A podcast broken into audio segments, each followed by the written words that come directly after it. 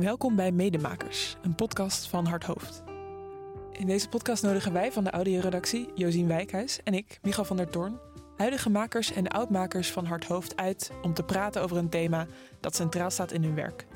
Ze doen dit met een maker die hen inspireert of waar ze zich verbonden mee voelen en stellen vragen over elkaars werk en maakproces.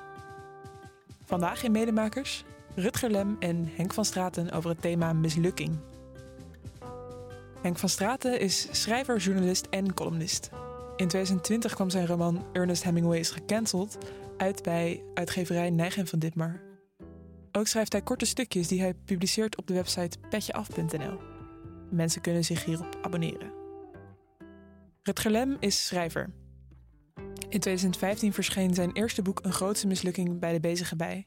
Hij won een Emmy met zijn film Edgar Garrett A True Story en hij is redactielid voor Dit Was Het Nieuws.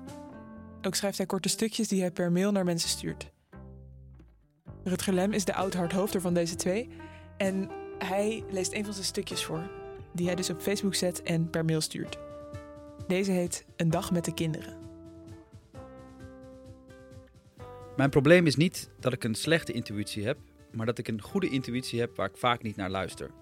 Het begon ochtends al, toen ik mijn lievelingstrui uit de kast trok en ergens vaag in mijn achterhoofd klonk: Doe maar niet, je hebt een dag met de kinderen. Ik trok de trui alsnog aan en compenseerde hem met een joggingbroek.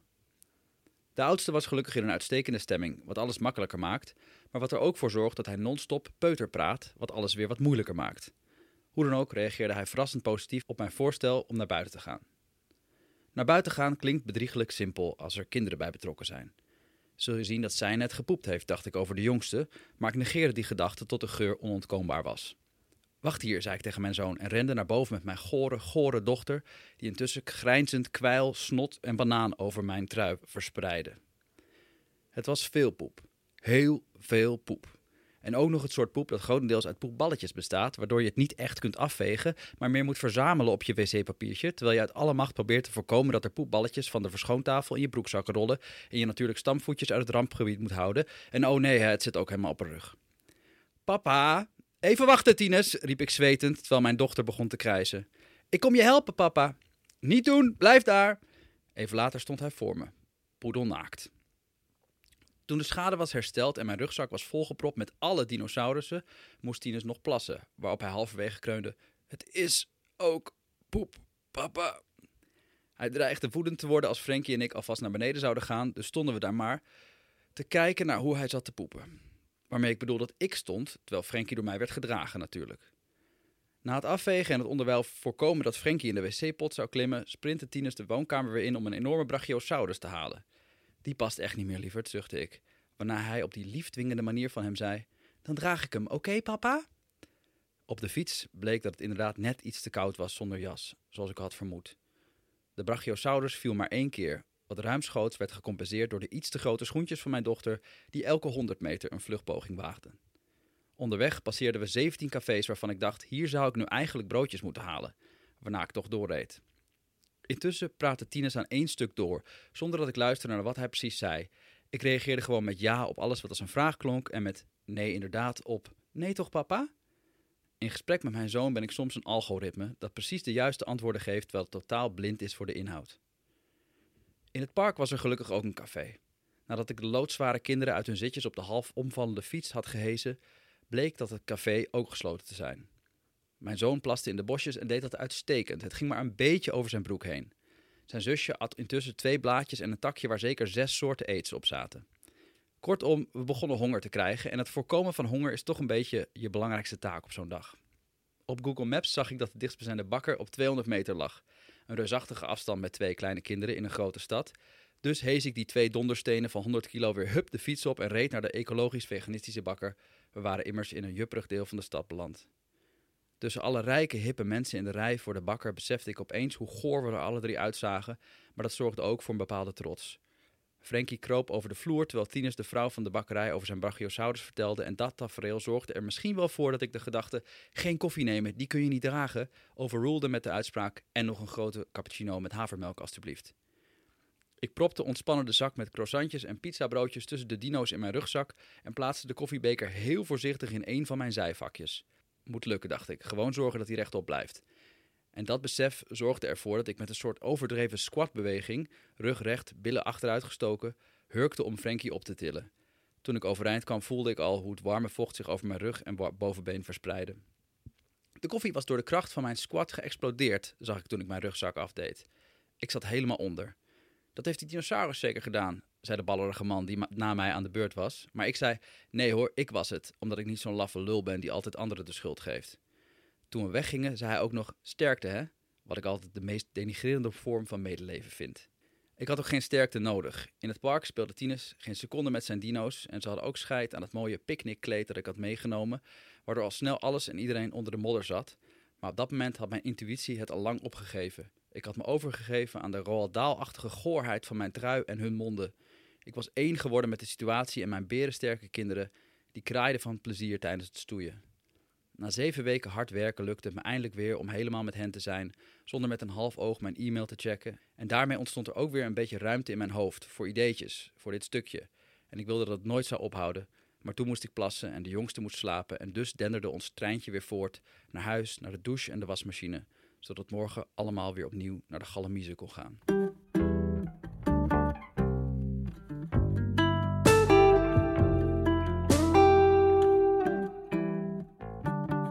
Rutger, jij bent, jij bent gekomen met het onderwerp mislukking. Ja. Wil je vertellen waarom? Nou ja, ik denk dat dat uh, sowieso een thema is in, in, in, in mijn uh, werk. En uh, ja, het thema van mijn eerste boek. Dus in die zin leek het me logisch. Dat boek is ook voortgekomen uit de stukken die ik grotendeels op hard hoofd heb geschreven. Dus ja, falen en mislukking, dat leek me wel leuk om over te praten. En daar zit ook heel veel comedy in. En dat is een ander belangrijk ding waar ik graag nou ja, niet overschrijf, maar wat ik graag in mijn schrijven stop. En uh, dat herken ik ook wel bij Henk. Dus, uh... Ja, want we zijn hier samen met Henk van Straten en um, je bent door hem door zijn werk geïnspireerd. Ja, daarom zijn we ook in zijn slaapkamer nu. Dat is, dat is, ja. daar is toch waar het altijd eindigt als, als fan.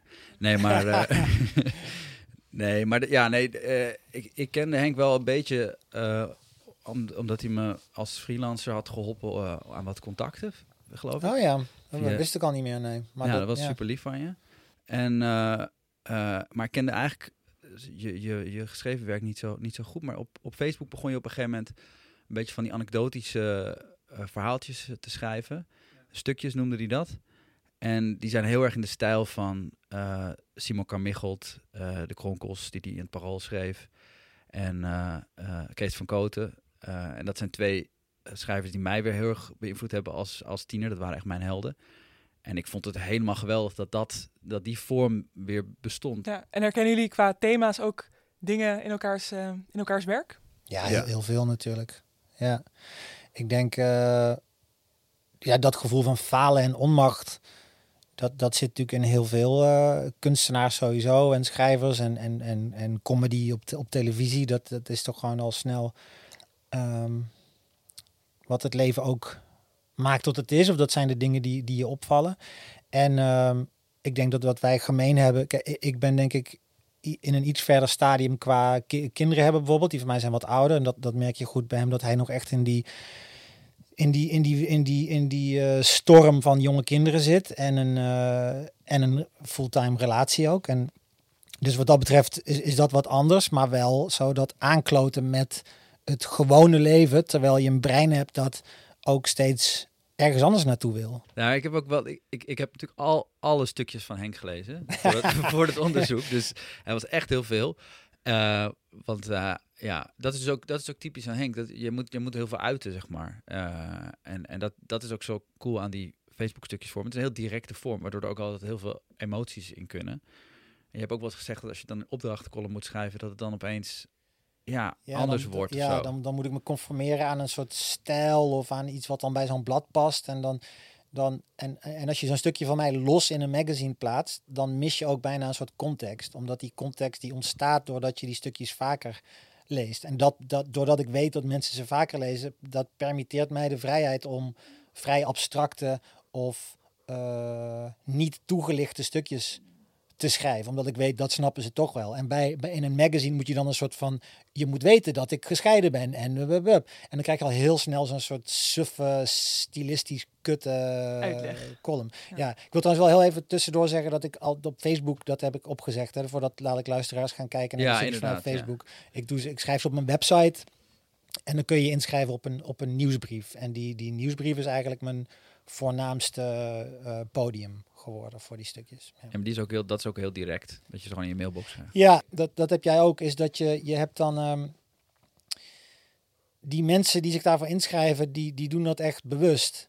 En daardoor heb je het idee dat dat is ook toch een soort best wel intieme band. Dat is bijna alsof je dan. Ja, Oh, ik moet jullie nog iets vertellen van wat ik heb meegemaakt. En, en je krijgt ook leuke reacties. En ehm, ja, er zit, er zit ook een soort harde kern van abonnees van wie je de meeste reacties krijgt. En eh, die dat, waaraan je merkt, die integreren dat in hun eh, dagelijks leven. Dus die, die, die vinden het dan leuk als er 's ochtends zo'n stukje binnenkomt. En dan, eh dankjewel. En weet, dat, is, dat, is, dat is super leuk. En dat heb je bij een magazine al helemaal niet. Je hebt geen idee of iemand juist die pagina snel doorbladert. Weet je, dat, dat, omdat, ze, omdat, ze, omdat ze naar het interview verderop willen. Dus dat, dat is ook een beetje alsof je zoiets schrijft, maar je, het verdwijnt ergens en je hebt geen idee wie daar wat mee doet. Dus Ja, dat- met een ja. nieuwsbrief heb je hele directe feedback eigenlijk. maar mag ik nog één ding zeggen? Want, want wat ik dus wilde zeggen is dat ik eh, helemaal ben teruggegaan in de diepe krochten van, van de stukjes van Henk van Straten. Toen hij ze misschien nog niet eens voor publiek schreef. Gewoon ergens op zijn website. Dat hij niet eens meer weet dat het ergens, ergens stond. Maar, maar inderdaad, dus over, de- er waren een paar nog uit de tijd dat je getrouwd was. En, en nou ja, wat dus Henk ook altijd wel heeft, is omdat, omdat je zo eh, rauw bent, dat je dus heel erg wel begaan eh, raakt snel met, met het personage. Je hebt ook lezers die echt wel even checken hoe het met je gaat.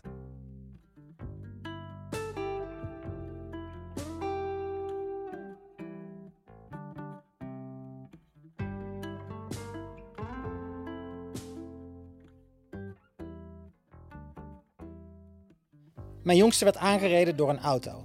Ik stond op Utrecht CS op de trein te wachten, dus ik was er niet bij. Hij reed op de fiets. Mijn ex was al wat verder gefietst. Toen hij wilde oversteken, riep ze nog naar hem dat hij moest uitkijken. Hij ging tussen twee geparkeerde auto's door.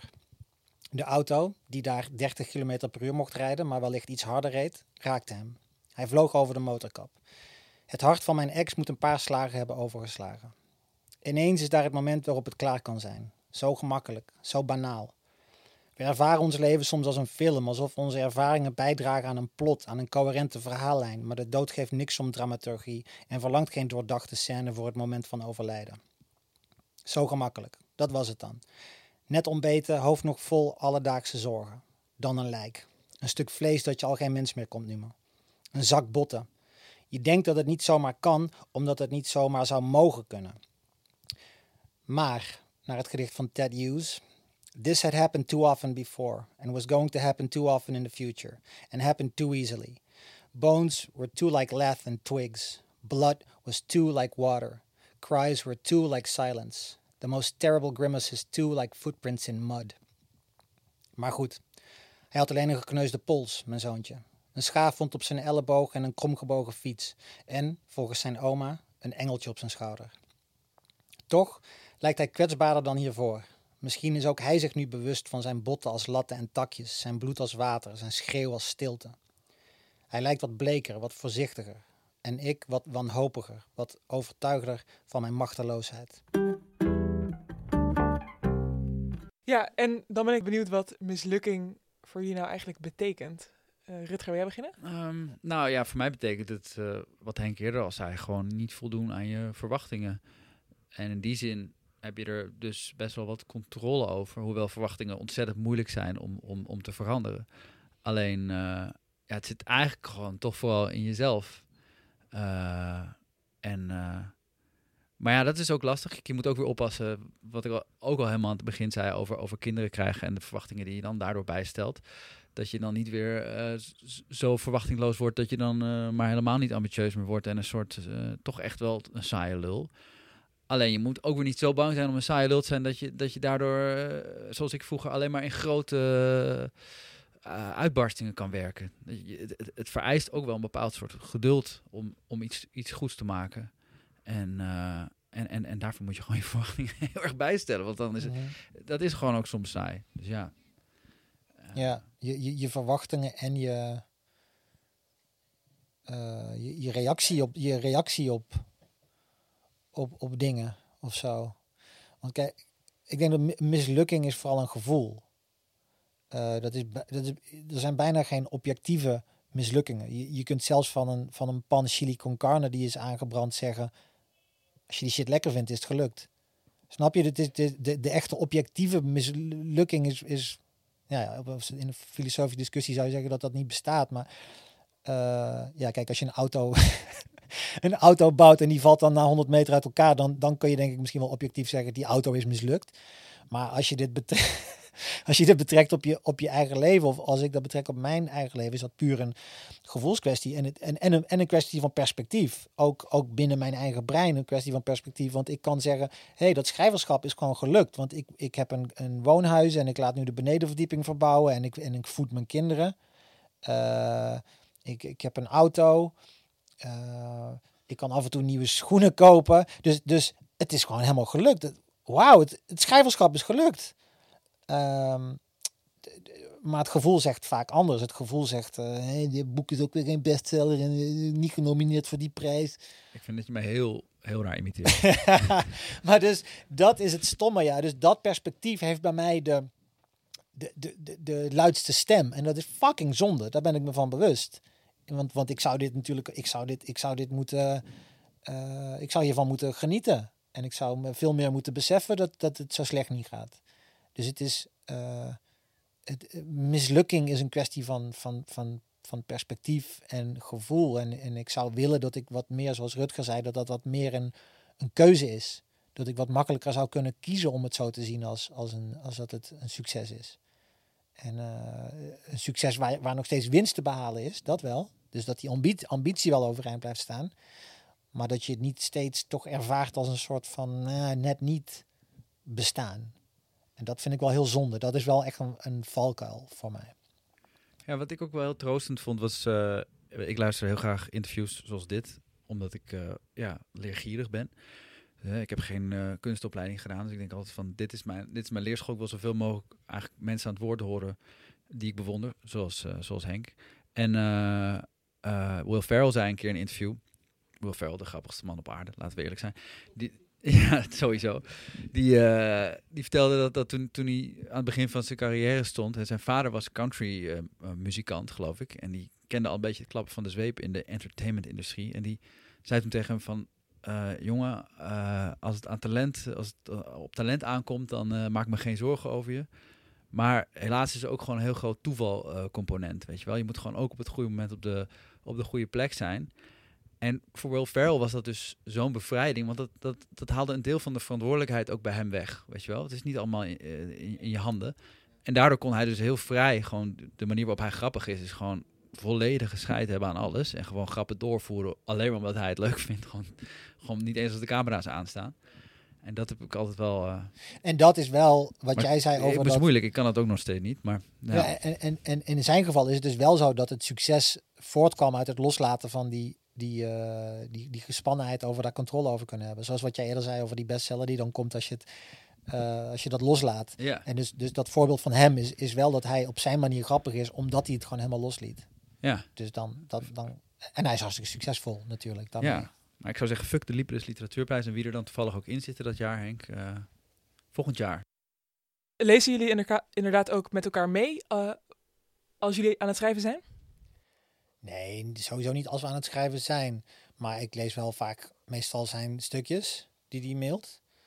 Eh, maar we zijn niet eh, op, een, op een creatief... Ik ben niet een soort eerste redacteur voor, vooralsnog. Als hij dat ooit vraagt voor zijn volgende boek of ik het een keer wil lezen, dan wil ik dat best doen. Maar ik vind dat ook heel... Je wilde dat helemaal, je zei dat je dat niet wilde, omdat je dat, Oh, dat ja. dat dan te pijnlijk wordt. toch? Ja, nou, dat, ik wilde nog toelichten nu. Oh ja, dat, eh, dat inderdaad, ja. Nee, dat klopt. Kijk, ik zou het wel voor jou willen doen in de zin van je helpen. Ja. Eh, maar dat is, het, ik, het is ook link, omdat je elkaar graag mag. En je kunt gewoon andere creatieve keuzes hebben. En eh, ja, en het is, kritiek kan toch ook wel pijnlijk zijn. Als iemand zegt, ja, hm, ik vind het nog niet echt werk of zo. En jij denkt, ja, maar dit is het beste wat ik kan. Eh, en de uitgever vindt het wel goed. Dus wat, wat, eh, wat ja, weet je, dan voor je het weet zit je in zo'n soort. hmm. en, dan, en dan wordt dat boek gepubliceerd en dan, en dan ben je in een jubelstemming. Maar dan kom ik op de boekpresentatie en dan weet je, ja, maar hij vindt het niet goed. Ja. Dus dat, is, dat zit toch ergens dwars, hoe, hoe, hoe, hoe emotioneel volwassen je ook denkt te zijn.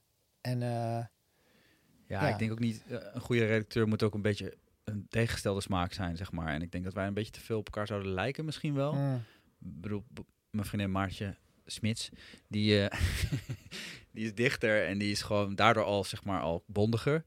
En sowieso wat, ja, artistieker ingesteld in haar Mm. schrijven. En daardoor eh, heeft ze een heel andere blik. En dat is eigenlijk wat je, wat je nodig hebt. Maar ik denk wel, ik, ik, nou ja, ik wilde wel heel graag dat Henk mijn boek had gelezen. Ik was heel lang bang dat hij het niet had gedaan. Toen zei hij op een gegeven moment van, nee, ik heb het wel gelezen, maar tot de helft. En toen, ik vond het wel te lang, dus toen heb ik Ja. het weggelegd. ja, ja, dat, ja, oh, dat, nou, ja, semi-gerustgesteld. denk ik. Ja. Fijn. ja, Maar, en ik reageer altijd ook wel op, op jouw stukjes als ik ze goed vind, zeg maar. Dan, Ja. dan mail ik gewoon terug, zo van, ja. right on, man. En Dus, Ter- eh, terugkomend op, op, die, op die vorm. eh, ik denk dat het super belangrijk is om. en ik om- haal je spelfout er ook wel vaak uit. ja, die heb ik zo vaak. Dat is Ja. de, al die, die nieuwsbriefabonnees die wijzen me daar dan ook op. Toch te impulsief, hè? Ja, dan ben ik te snel. Ik wil er dan ook snel vanaf. En dan. Dat is ook weer die intuïtie dat ik denk. Ik moet dit nog een keer nakijken, maar het zal wel goed zijn. Terwijl je moet gewoon naar dat stemmetje luisteren dat zegt, je moet het nog een keer nakijken. En je, ja, nou ja. Maar is het dan niet lastig soms om te beoordelen wanneer een lezer ja, het tuurlijk. nog interessant vindt? Ja, nee, dat blijft, dat blijft een heel vaag, abstract Ja. Principe. Ik, zie een soort onzichtbare eh, lezer vormen. En die, dat, dat is een kritische lezer. En die is opgemaakt uit allerlei eh, avatars. Eigenlijk. Daar zit waarschijnlijk mijn moeder ook in, die, die er wat van vindt. En daar zit eh, een of andere intellectueel zit, zit daarbij. Die denkt, oh, wat is dit voor domme... En weet je, daar zit, dat is zo'n soort, zo'n soort combinatie van allerlei avatars, of hoe noem je dat? En die, op die gezichtsloze eh, persoon wil ik indruk maken. Ik wil dat die dus zegt, ja, dit is jongen, jongen, dit nou, poeh, dit is goed. Maar, maar Henk, denk je niet dat, als we het hebben over mislukking, hè, dat zeg maar onze, onze, want wij zijn allebei een beetje zo eh, eh, overgevoelige jongens, eh tragicomische figuren. en, Ja. en, maar dat, is, dat zit toch ook heel erg in het feit dat we toch nooit helemaal loskomen van die behoefte aan erkenning en aan, aan, aan, aan zeg maar, de, Zeker. de externe validatie, zoals ze dat dan in Ja. de psychologie noemen. Terwijl Ja. eigenlijk zou, als wij zeg maar scheid zouden hebben, zouden we ook bijvoorbeeld geen stukjes schrijven. Want dan, dan krijg je ook niet die directe. We hebben ook die directe response Ja. nodig en zo. Ja. En, eh, Nee, oh, absoluut. Ik maak me daar nul illusies over. ja, je hebt, je, je hebt mensen die... de die- illusie dat het gaat veranderen? Of? Nee, ja, dat, dat ik zo ben. Ja, dat, ja, Ik die, dat ik die ambitie heb en die drang naar erkenning. Je, je hoort wel eens mensen zeggen, die schrijven dan voor zichzelf. En dan, en, dan, en dan slaan ze dat op of dan leggen ze in een, in een la en dan vinden ze dat gewoon fijn. Nou, dat- ik geloof wel dat dat bestaat. Zeker, zeker mensen die een dagboek bijhouden. Maar als, ik, als, als, als, als iemand tegen mij zegt, hey, er wordt nooit meer iets gelezen van wat jij eh, schrijft. Ehm, maar eh, je, je, je blijft hetzelfde geld verdienen. Blijf ik dan schrijven? Nee, tuurlijk niet. Ik moet, ik moet het idee hebben ook, ik wil indruk op iemand maken. Ook op mezelf. Ik moet denken, dit is beter. Dit kan nog beter, dit is nog beter. En, maar dat komt met heel veel stress en heel veel gevoel van falen. Omdat je denkt, oh, eh, ik heb alleen maar de tweede druk of de derde druk. En, en eh, Herman Koch die verkoopt de 300.000. En je weet dat dat domme, egoïstische, kinderlijke gedachten zijn. En, dat het, en ook dat het niet per definitie iets zegt over de kwaliteit van je werk. Maar het is wel zuur. En dat is, dat is waarom ik die vergelijking met sporten aanhaal. Is van, het is wel echt gewoon kut dat één boek gaat dan 300.000 exemplaren verkopen. En gaat heel de wereld over. En jij niet. En, en ook al is daar geen aanwijsbare reden voor, of is dat niet jouw schuld, het is wel, voor mij voelt dat als een soort falen, hoe kinderachtig dat ook is. Ik, ik, ik- daarom voelt het schrijverschap voor mij sowieso als een doorlopend falen, omdat ik, omdat ik gewoon echt meer verlang dan, dan twee verkochte drukken of drie verkochte drukken. Ik vind dat gewoon, ik vind dat gewoon te weinig. Ja. Als, je, als, je, als je kijkt, dat zijn misschien duizend gedrukte exemplaren. Dus dan heb je 3000 of 5000 boeken verkocht op een, op een populatie van 17 miljoen. Ik, vind dat, ik denk dan echt, ja, maar waarom? Dus de enige reden dat ik doorschrijf is omdat ik wel ooit meer, ja, Maar denk je niet dat je die, dat je die eh, eh, eh, bestseller pas schrijft als het je niks kan schelen? Ja, denk dat is zo'n ja, soort van dat, dat dus f- filosofische op, opvatting die, ik weet niet of het zo werkt. Ik weet niet of dan, of dan er een soort karma in werking treedt van, ah, nu heb je je les geleerd, dit boek wordt een bestseller. Dat, dat denk ik niet. ik de, denk de dat kwaliteit wordt gewoon beter, net zoals ik nog. Weet ik niet. Nee, dat denk ik niet. Want mijn schrijven wordt niet beïnvloed door die, door die drang of die ambitie. Ik ga niet anders schrijven om een bestseller te halen. Anders zou ik wel eh, een fucking thriller gaan schrijven. Of, Ja. eh, Maar toch misschien een beetje, weet je wel, dat je gewoon net even niet helemaal doet wat je het zelf het liefst zou doen. nee, het is het domste vak om ambitieus in te zijn. nou, Echt, ja. ja. Ja, ja vind ik, dat vind ik serieus. Ik kan niks anders en ik, vind het, en ik hou van literatuur en ik hou van boeken en ik hou van het ambacht. Ik, ik vind het super fijn om mezelf te verbeteren en daar goed in te zijn en te voelen dat ik in die flow. Dat is allemaal heel fijn. Maar als je, als je gaat kijken naar, naar, naar carrièrekansen of, of gewoon. eh, eh, ja, dan is het toch gewoon kut. Ik bedoel, de, de, meest, de meeste schrijvers die kunnen überhaupt, die verdienen gewoon helemaal niks. En die krijgen of een werkbeurs, dus de belastingbetaler betaalt daarvoor, zodat jij een mooi verhaal kunt schrijven. En dat vind ik ook belangrijk, geld voor cultuur en al die dingen. Maar er zijn ook momenten waarop ik denk, jezus, zitten we met z'n allen allemaal op kamertjes boeken te schrijven die nog geen 500 exemplaren verkopen. En in mijn geval ben ik dat punt wel gelukkig voorbij. En dan, en dan krijg je een werkbeurs en dan mag je nog een boek eh, schrijven dat 500 exemplaren verkoopt. En dat, en dat dan de rest van je leven. En dan mag je ergens op een of ander klein kutpodium voor 10 mensen een stukje voordragen. Ik vind het ook gewoon, dat moeten we ook soms toegeven. Het is ook gewoon armoedig, man, literatuur. Dat, ja, Ja, ik weet dat toen, toen voordat mijn boek uitkwam, had ik afgesproken met een, met een vriendin van mij die in de marketing van een eh, uitgeverij werkte om, om tips te vragen. Om het en die zei toen van, eh, het eerste wat ik moet zeggen is dat de kans heel groot is dat het niks gaat doen. En Ja. toen had ik echt van, ja, oké, dat kan natuurlijk, maar de kans is niet heel groot, toch? Dus nou, ik begeleid misschien 40 boeken per jaar en twee verkopen goed, zeg maar. En toen ik zo, maar ja, ik heb wel een beetje een naam opgebouwd, eh, hard hoofd, eh, NRC Next, eh, bla bla. En toen was hij zo van, mm, ja, mm, betekent niks. of dan zit je bij een hele, hele grote, eh, groot radioprogramma, een best beluisterd radioprogramma. Radio al, dat is natuurlijk al lullig. Maar goed, en dan, en dan na afloop zegt iemand, eh, ja, je hebt hierdoor, dus twee boeken. Twee boeken heb je verkocht. ja men- mensen verkijken zich daar echt op. Vinden jullie dat jullie da- dus mislukt zijn als, eh, als schrijver? Of hebben jullie nog, eh, nog toch nog een beetje ambitie over? Nou, nee, ik heb, ik heb een Emmy eh, Award gewonnen voor een documentaire die ik, die ik ook heb geschreven. Dus zo, kan je, maar, zo zie je maar dat je ook buiten je boeken nog, eh, Ja. nog dingen kan doen. Eh, als je, maar je moet gewoon blijven proberen. En ja, ik vind wel, weet je, je moet niet miepen, zeg maar. Nee, Want er zijn gewoon heel veel mogelijkheden. Dat is het leuk aan schrijven ook. Je kan het overal doen. Dus als je het eenmaal kan, en dat, daar helpt een boek zeker bij om, om, om, om het beter te kunnen. Eh, ja, dan kan je in film werken, in tv, in, in copywriting, whatever. Ja. Ja, precies. Laat ik dan, laat ik dan nu ook een, een eh, optimistische of positieve kant ervan eh, belichten. Is dat wat ik net allemaal zei, is waar en vind ik ook echt. Maar ehm, dat ik bijvoorbeeld ook voor magazines schrijf of betaalde klussen doe en interviews voor magazines doe, dat komt wel allemaal voort uit die boeken, uit het schrijverschap, uit het bezig zijn met woorden, met taal, met, met eh, verschillende lengtes. Dus eh, ik zit hier heel veel over het, wat ik net allemaal zei, meen ik, maar ik heb wel, ik kan wel mijn hypotheek betalen en, en alimentatie en al die dingen. Maar ja, maar dat is wel, eh, ja, dat is, dat is zeker niet van het boekenvak alleen. Ik denk als jij echt denkt, ik ga dat met alleen boeken doen, ja, dan, dan kom je echt van een hele koude kermis thuis.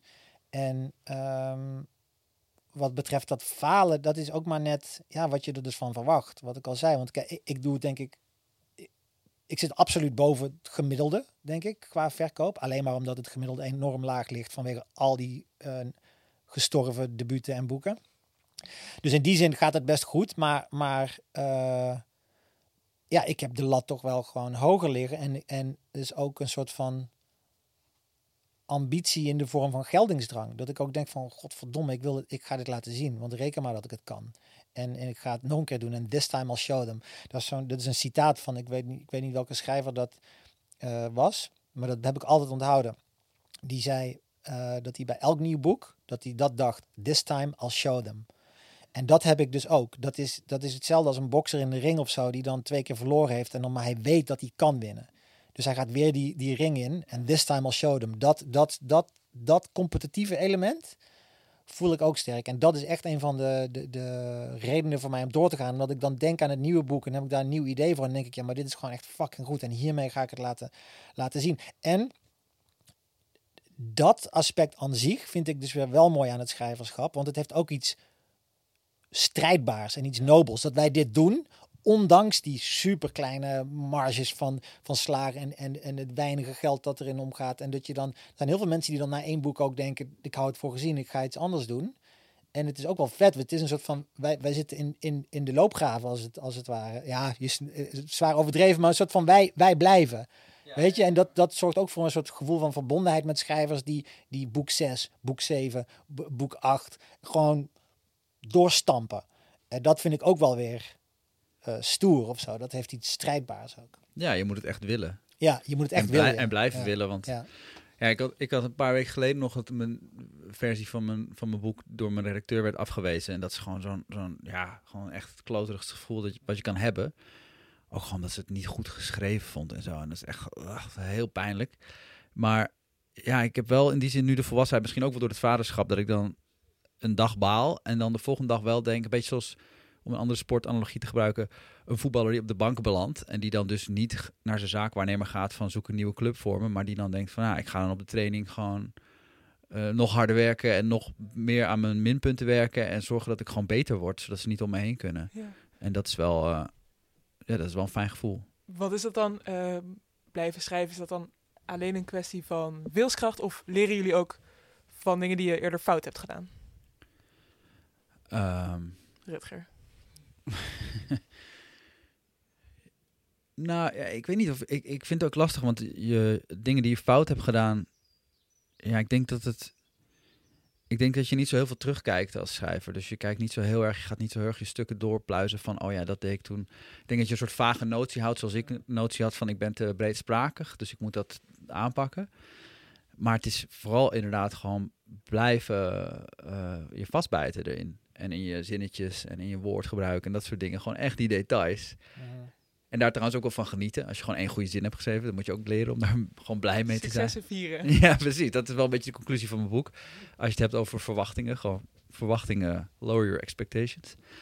Um, dus, uh, dus ja, dat. Ik, en ik, ja, ik, ik, uh, ik, ik, ik, wat wou ik zeggen? Ik weet het niet meer. Zal ik het maar gewoon even overnemen? Ja, doe maar weer. ja. Uh, bij mij is dat denk ik meer dat elk, elk, bij elk nieuw boek dat ik in mijn hoofd heb, denk ik gewoon.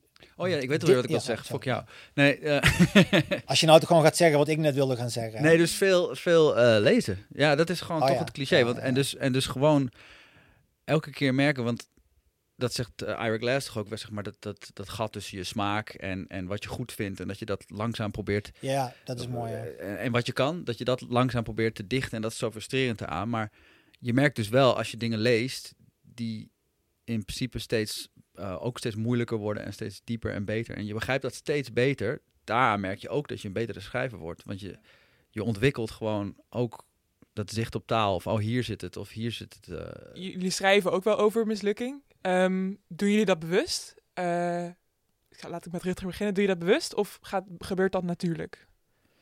Nou ja, wat ik al zei, vroeger keek ik heel erg op tegen die uh, boeken en stukjes van uh, Carmichelt en Van Koten. En volgens mij zei Kees van Koten ook een keer dat hij, dat hij dan zijn eigen werk nalas en dacht van, oh, ik sta nog niet genoeg voor lul. En, en, en dat, dat gevoel herken ik wel heel erg. Het is natuurlijk het grappigste als er iets mislukt, als er domme beslissingen worden gemaakt. Ik kijk nu heel erg naar The Office, de Amerikaanse versie. En eigenlijk is de, de belangrijkste comedy in, in, in, in die serie is gewoon dat ze de hele tijd beslissingen maken waarvan je denkt van dit moet je absoluut niet doen. Hè, waar ik ook net over schreef, over het negeren van die intuïtie. Uh, dus voor mij gaat het heel erg over, over, over comedy, over nou ja, bijna dat bananenschil effect, zeg maar. Ja. Mm, ik denk ook dat gewoon falen, falen impliceert ook of, of, of, of legt een menselijk tekort bloot. En uh, het, menselijk tekort is gewoon super belangrijk, ook in de zin van empathie hebben voor een ander. En dat, dat niemand het precies weet. En dat iedereen maar aankloot. Dat is ook gewoon heel belangrijk dat je dat blijft terugzien in films en kunst en literatuur en opinie. Omdat uh, het tegenovergestelde daarvan, een soort van alles wel weten en uh, dogmatiek, dat is, dat is en gevaarlijk en oninteressant en eendimensionaal. Uh, de, de mens is een heel complex wezen. En dat, dat, dat openbaart zich veel vaker in het, in het falen en in de tekortkomingen dan in de, de pure successen, die vaak ook gewoon maar toevallig gebeuren door een samenloop van omstandigheden waar je eigenlijk niet zoveel mee, mee van doen had. En als je dat stukje van uh, Rutger dan hoort over, over, zo dat, dat, over intuïtie en dan toch het andere doen, dat legt gewoon heel goed bloot hoe irrationeel wij zijn. Wat ook in, in de cognitieve uh, wetenschap steeds weer wordt bewezen. Dat wij denken van heel veel dingen, dat we ze bewust doen, rationeel overwegen. Dat we, en dat, dat blijkt de hele tijd gewoon niet het geval te zijn. En dus, dus door dat beschrijven van tekortkomingen en falen blijf je ook nederig en in contact met on, onmacht. Op de, op de goede zin ook. In de goede zin van het, van het woord, denk ik.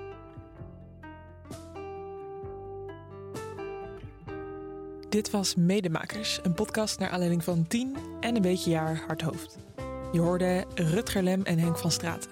In de volgende aflevering gaan Iduna Paalman, Nisrim Barki en Babs Grons in gesprek over kunstenaarschap en moederschap.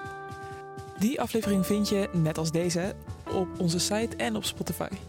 Bedankt voor het luisteren en heel graag tot de volgende keer.